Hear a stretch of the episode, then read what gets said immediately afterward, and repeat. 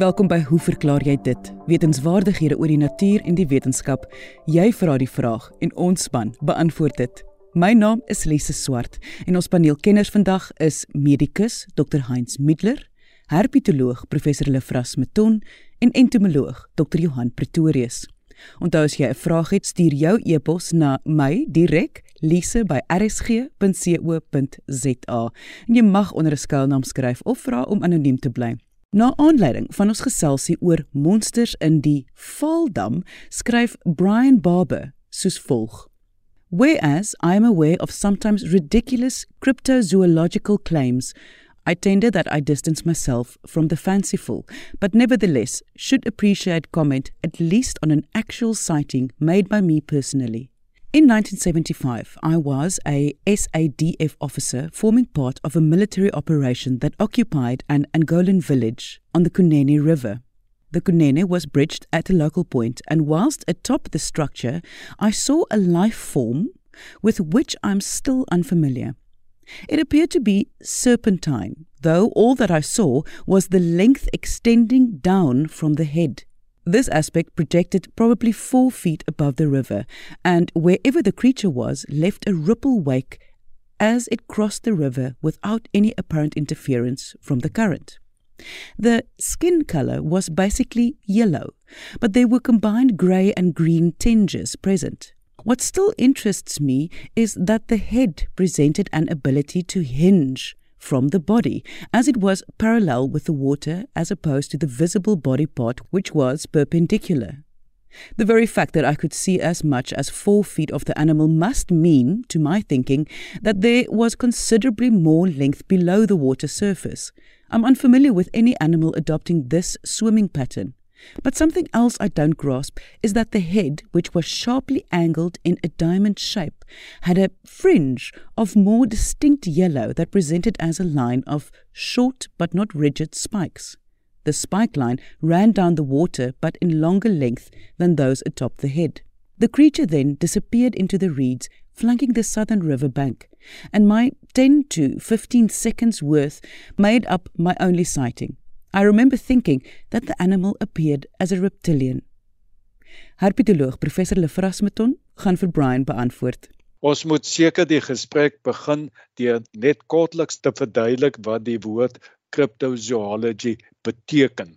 Dit is 'n pseudo-wetenskap, met ander woorde 'n kwaksalwe wetenskap wat diere waarvan die, die bestaan nie net onbevestig is nie, maar ook deur die formele wetenskap betwyfel word ondersoek. Ons praat nou hier van diere soos die Loch Ness monster, Bigfoot en Yeti.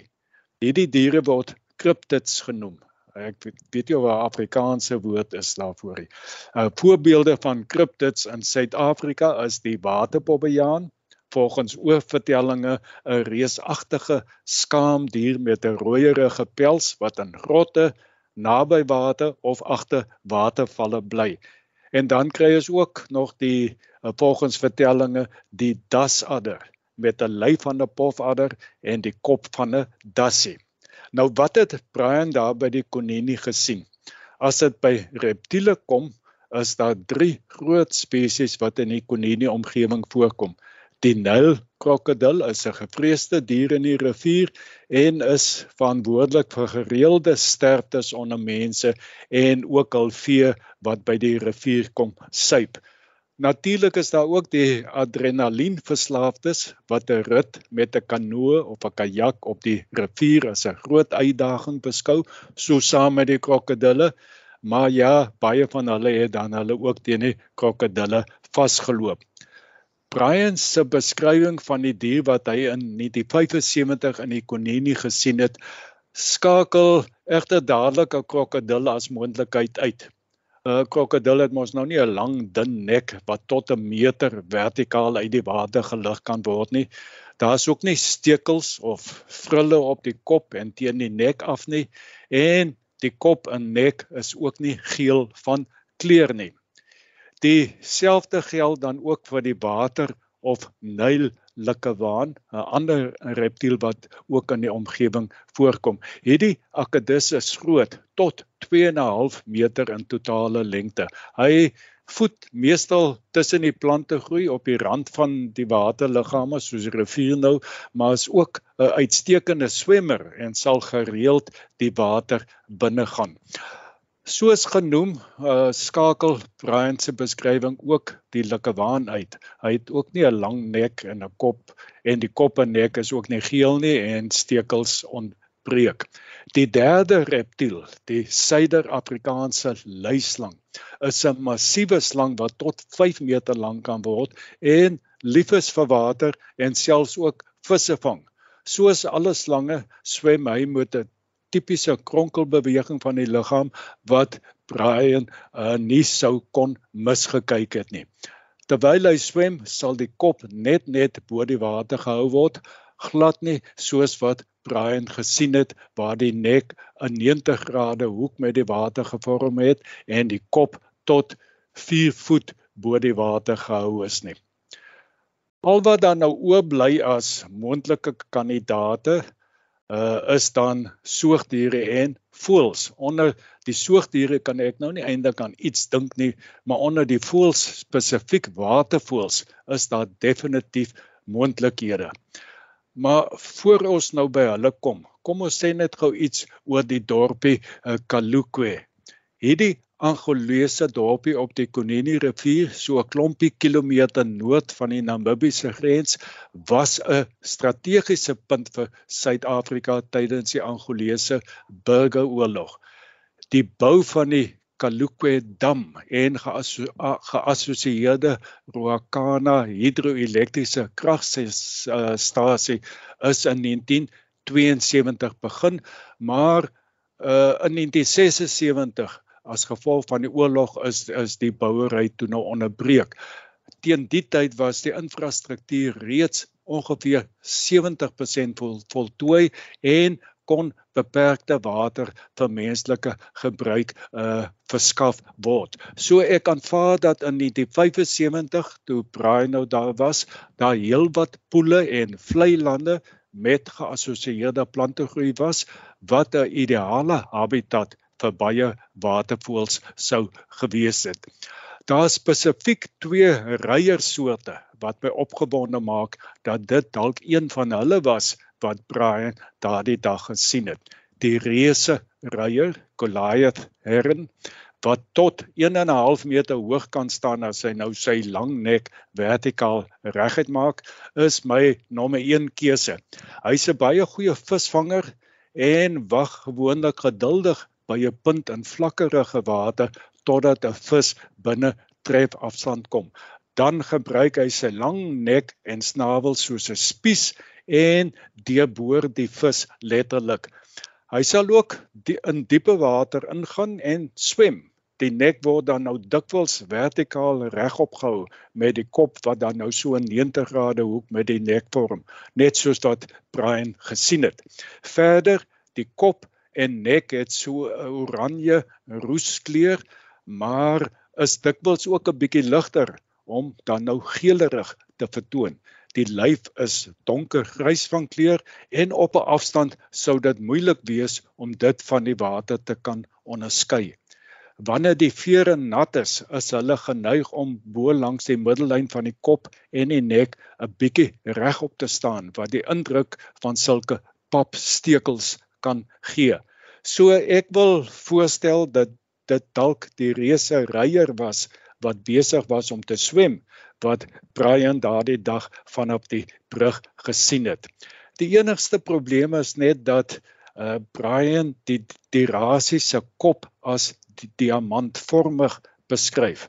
Dit is dalk moontlik dat toe hy bo van die brug afgekyk het, hy dalk net die die reier se geel kop gesien het en nie die snavel nie omdat die swart snabel dalk nie baie sigbaar teen die donker wateroppervlak was nie. Die ander reier spesies wat daar voorkom is die rooi reier, Engels die purple heron. Hy is heelwat kleiner as die reuse reier en wat my verder afsit van hom as 'n moontlike kandidaat is dat die bokant van sy kop swart is en nie geel soos in Brian se beskrywing nie. Ja, albei hierdie voëls kom daar by die Kalikwe dam voor. Net om af te sluit nog so iets oor die dam. Gedurende die Angola Burgeroorlog het die Suid-Afrikaanse weermag deurgangs die dam nou as 'n strategiese infrastruktuur beskerm. In Junie 1988 is daar egter geweldige skade aan die infrastruktuur tydens 'n Kubaanse lugaanval aangerig en 11 lede van die Suid-Afrikaanse weermag het ook in die aanval gesterf dit word as 'n keerpunt in die gewapende stryd beskou of dit was as 'n keerpunt in die in in die gewapende stryd beskou. Eers in 2012 is daar toe met die, die rehabilitasie van die daminfrastruktuur begin uh, wat teen ek dink uh, 2015 rond voltooi is. En dit was herpetoloog professor Lefras Meton. Volgende gaan medikus Dr Heinz Middler verklaar hoekom eie ons oë brand. Nou eie laat ons almal se oë traan. En ek weet ek het 'n vriend gehad wat altyd eie geskil het met 'n duikbril. En ons het ken almal sulke mense want party mense kan dit net nie verdra dat die oë so brand nie. En dit is universeel so eie doen dit. Nou hoekom doen aan eie dit? Hoekom laat dit jou oë traan? En daar is twee redes. Dit bevat sulfeniese sure en dan bevat dit ook iets anderster soos propaanetiooloksied. Nou dit is 'n die ander naam vir dit is dis 'n eilakrimator faktor. Nou lakrimator lakrimasie is die vorming van trane en dit is presies wat hierdie middel doen. Dit stimuleer jou lakrimasie, jou lakrimaal kliere en dan loop die trane. So dit binne sekondes as jy feitelik jou eie skil in die die buitenste laagie is op en jy begin om te kerf. Binne sekondes begin jou oë te brand en dit is as gevolg van die suur die sulfeniese sure wat aanwesig is en dan begin dit te traan as gevolg van jou lakramasie nou daai idee van eie wat so traan laat mense dink aan traangas en dit is hoe traangas ontwikkel is. En ek dink in 1914 was die eerste traangas ontwikkel en die middel wat hulle daarvoor geryk het is xylol bromied. Nou deesdae is daar 'n verskeidenheid van traangas produkte en soos ons altyd sien op die nuus, dit word oral gebruik waar groot skares bymekaar is en hulle wil um, uitmekaar uitgejaag word. Deesdae kry self mense wat maskers dra, jy weet soos wat hulle in die oorlog gebruik het want hulle weet die polisie gaan transgas gooi, maar die wat nie het nie, daar is geen manier dat jy dit kan weerstaan nie. Jy gaan hoes en proes, jou oë gaan traan en jy gaan hardloop. Nou die die hoofbestanddeel van uh, uh traangasse deesdae, ehm um, hulle almal bevat CS is die afkorting wat dit genoem. Nou ek kan vir jou die naam gee, dis chlorobenziledien met malo malonitril. So dit is 'n verskriklike naam, maar ons almal ken dit as muis. So muis is die traangas van keuse wat vandag gebruik word en dit is maar jy weet nog altyd uh, deur die polisie in elke land gebruik maar muis om skare onder bedank te, te bring en die groot ding wat net onthou word alhoewel jy hardloop en jou oë traan en dit brand en dit is baie onplesierig, dit is tog altyd onskaarlik en jy gaan nie permanente ehm um, skade na die tyd hê nie. Reg, doen dit nie iets in jou oë of ek bedoel is net uh, geen trane, alles wat daar's dit is dis als omkeerbare goeters. Ek dink ek het o, oh, jemma, maar dis nou net die ergste ding ooit. en dit was medikus Dr Heinz Middler. Onthou as jy 'n vraag het, stuur jou e-pos na my direk lise@rsg.co.za of jy kan deur RSG se webwerf gaan. Gaan net na www.rsg.co.za. Volgende vra Marita 'n vraag wat entomoloog Dr Johan Pretorius gaan beantwoord. Marita skryf: Ons het gaan stap op 16 Junie by Hoogland naby Henopsrivier Wes van Pretoria. En ons het die klomp wurms saamgekoek in die paadjie raak geloop. Vir skaal, een wurm is ongeveer 3 cm lank. Wat op die aarde is hulle mee besig? Is dit 'n oorgangsritueel na papie stadium? Vir die luisteraars, Marita se foto is beskikbaar op RSG se webwerf as jy wil gaan kyk na hoe lyk hierdie wurms. Dr Pretorius, wat gaan hier aan? Môre Lise, kollegas en luisteraars. Marita, wat jy afgeneem het is Motorispus die sogenaamde treintjie-rispus in Engels word al processionary caterpillars genoem. En die gedrag wat jy al gesien het is nie blote toeval nie, dit is heel normaal vir hierdie kommensale of groep lewende motlarwes. Hierdie motte was voorheen sel, selfs nou nog baie keer in 'n eie aparte familie geplaas maar meer onlangse bewyse dui daarop dat hulle eerder 'n subfamilie van die donswerkmotte is. Dit is nou die familie Notodontidae en waaroor ons al op 'n vorige geleentheid gesels het Lize. In hierdie familie is die treintjie Rispus dan deel van die subfamilie Thaumetophoeini. En dis maar 'n klein subfamilie met so 6 spesies wat in Suidelike Afrika voorkom. Maar okay, dit nou net vir so 'n bietjie agtergrond. Ek vermoed Marita die rispus wat jy afgeneem het behoort tot die genus Anafi. Moontlik die spesies Anafi reticulata, 'n inheemse spesies wat mens nogal gereeld in die laafveld sien as hul rispus byvoorbeeld oor paaie beweeg of teen boomstamme saamkoek. Die volwasse motte is aantreklike insekte, klein tot medium groot en met 'n redelike stewige bouvorm. Gewoonlik 'n roomwit kleur met 'n netwerk van bruin strepe wat mooi patrone op die voorvlerke vorm, veral by die genus Anafi. Wyfie motte lê al eiers op die larwe se gasheerplante wat byvoorbeeld hier by ons insluit die blompeer en die horingpeeltjieboom. Die rispus wat uit die eiers broei, voed gesamentlik in groepe en baie keer sal larwes van verskillende eierpakkies bymekaar aansluit na al uitgebroei het om groter voedingsgroepe te vorm vir meer beskerming. En die saamleef en voed van rispus in groepe kry ons ook in ander motgroepe en spesies soos byvoorbeeld by sekere ander donswerkmotte en tentrispus. Sou Tranquilus se voedselbron uitgeput raak, byvoorbeeld hul vreet meeste of al die blare van die boom waarop hulle voed op, of as hulle na 'n geskikte plek soek om te pipeer, vorm hulle dan sulke kenmerkende enkelgelid treintjies, soms etlike meters lank, soos hulle van boom tot boom beweeg. So Marita, dis twee moontlike redes hoekom jy hierdie rispus op die grond gesien het. Hierdie groepie was dalk op soek na 'n nuwe weiding of selfs 'n geskikte plek om te pipeer voor die ergste winterkoue.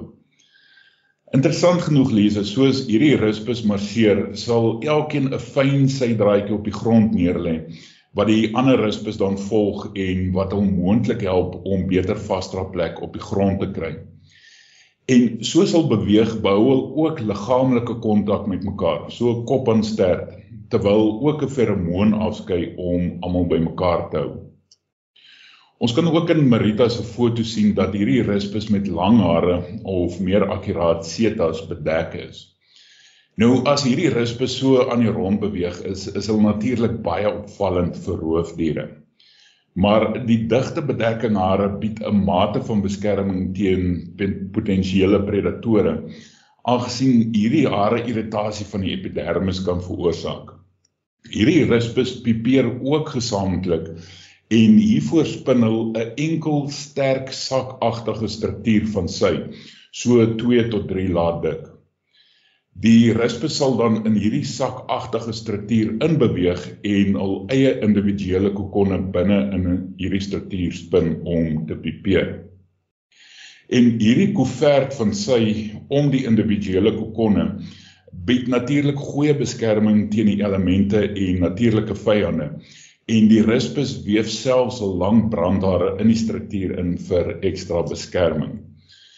Terloops hierdie strategie om die brandhare tydens pipering as beskerming te gebruik, vind ons ook by ander motsoorte soos by sekere tiermotte en pluimaarmotte. Nou in so 'n sysaak kan daar honderde kokonne wees en die struktuur self kan oor die 30 cm in deursnee wees. Lisa daar was ook pogings in vroeë jare om hierdie sakagtige strukture in die natuur te oes om die sy vir kommersiële doeleindes in Europa te gebruik. Maar moeilikheid met die opspoor van hierdie strukture in die natuur en die brandhare wat daarin voorkom het hierdie pogings laat skibreek lei. Jagters van ouds in Afrika het selfs hierdie sy-strukture gebruik om hul buskruit in te bære om droog te bly. Maar tog word hierdie bron van sy deur sekere gemeenskappe ontgin vir 'n ekstra inkomste en vir die maak van kledingstukke in sekere dele van Afrika. Die sogenaamde wilde Afrika sy, terwyl die motte in die algemeen bekend staan as wilde suiwermotte. Die sy van sekere van hierdie motspesies is baie sterk en het 'n hoë kommersiële waarde. Dit word ook gereken as 'n hoër kwaliteit as die van gewone suiwermsy. Laastens lees in ander wêrelddele is sekere soorte of spesies struintjierispus 'n probleem in bosbou en vir menslike gesondheid. Die eike struintjierispe van Europa se hare veroorsaak erge irritasie van die vel en asma by mense. En al stroop baie maal eikebome se blare tot so 'n mate dat die bome vatbaar raak vir ander siektes en probleme. Dan is daar ook die dennetreintjierispe van Noord-Amerika of eerder Noord-Afrika, die Mediterrane gebied en Europa wat soortgelyke probleme veroorsaak. So Marita, dankie vir jou foto en jou vraag. En dit was entomoloog Dr. Johan Pretorius. Onthou as jy 'n episode van Hoe verklaar jy dit dalk gemis het of jy kan nie na die volledige episode vandag luister nie, die potgooi is altyd beskikbaar op RSG se webwerf. Gaan net na rsg.co.za, klik op die woord potgooi, dit is bo aan die tuisblad, tik in die program se naam en dit is Hoe verklaar jy dit en druk die soek knoppie om nie net na vandag se episode te luister nie, maar na enige van ons vorige episodes ook. Laastens gaan dokter Middler vir ons verklaar of mense kan sterf wanneer hulle hulself van kop tot tone sou verf. Nou ja, Goldfinger is seker een van die van die gunsteling Bond uh, films en ons almal ken die toneel waar Bond ehm uh, stort en die meisie lê op die bed en toe hy uitkom klaar gestort is, hier lê die meisie mors dood en sy's goud geverf. Nou kan mens se vel heeltemal toegeverf word, is dit gevaarlik en snaaks genoeg almal het dit geglo tot onlangs. En selfs medisy het gesê jy moet jou vel, vel ooplos, jy kan hom nie heeltemal toeverf nie want die vel moet asemhaal.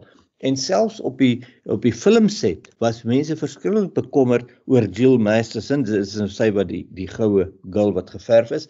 Ehm um, dat sy dalk iets gaan oorkom en dokters was was daar, hulle was gereed om haar te resusciteer en te help as iets sou gebeur. En om veilig te speel, het hulle ehm um, haar maag oopgelos. Haar maag is nie geverf nie. So sy het op haar maag op die bed gelê en niemand kon dit sien nie en hulle het gedink hopelik is dit genoeg um, area wat hulle oopgelos het dat sy niks gaan oorkom nie want velversmoring was was was op die kaarte. Nou dit is heeltemal verkeerd. Dit bestaan nie, dit is nie so ding nie. Ehm um, dit jy kan jou vel heeltemal toeverf. Dit maak nie saak uh, elke liewe vinger, elke toon. Solank jou mond kan oop is en jy kan asemhaal, dan is jy veilig. So dit is eintlik heeltemal verkeerde eh, al het die medisy dit geglo, dit was verkeerd. Nou om jou vel toe te verf kan ander probleme veroorsaak. En die ergste is maar jou temperatuurregulering, want nou kan jy nie sweet nie. So jou hidrasie, jou temperatuur, dehydrasie, al daai goeters raak probleme. So as jy nou vir 'n lang tyd jou hele vel toegeverf hou, dan gaan jy ehm um, daai tipe van probleme kry, maar jy gaan nie velversmoring kry nie. En natuurlik in die ou dae ehm um, was daar 'n ander gevaar wat wat wat mens maar net kan noem, dis nie 'n akute probleem nie en dit is loodvergiftiging. As jy nou rituele het en jy verf die hele tyd jou jou vel met ehm um, verf wat lood bevat soos dit in die ou dae bevat het, dan kan jy loodvergiftiging kry met neurologiese simptome en komplikasies. Maar deesdae bevat verf nie meer lood nie, so as jy nou jouself wil goud verf, dan kan jy dit doen na hartelus, jy sal niks oorkom nie. En dit was medikus Dr Heinz Middler. Daar as jy vrae het, stuur jou e-pos direk na my, Lise by rsg.co.za. Jy mag onder 'n skuilnaam skryf of vra om anoniem te bly. Ek sê baie dankie aan ons kenners en vraagstellers vandag. Onthou om altyd nuuskierig te bly en vrae te vra. Tot volgende week hier op RSG saam met my, Lise Swart. Totsiens.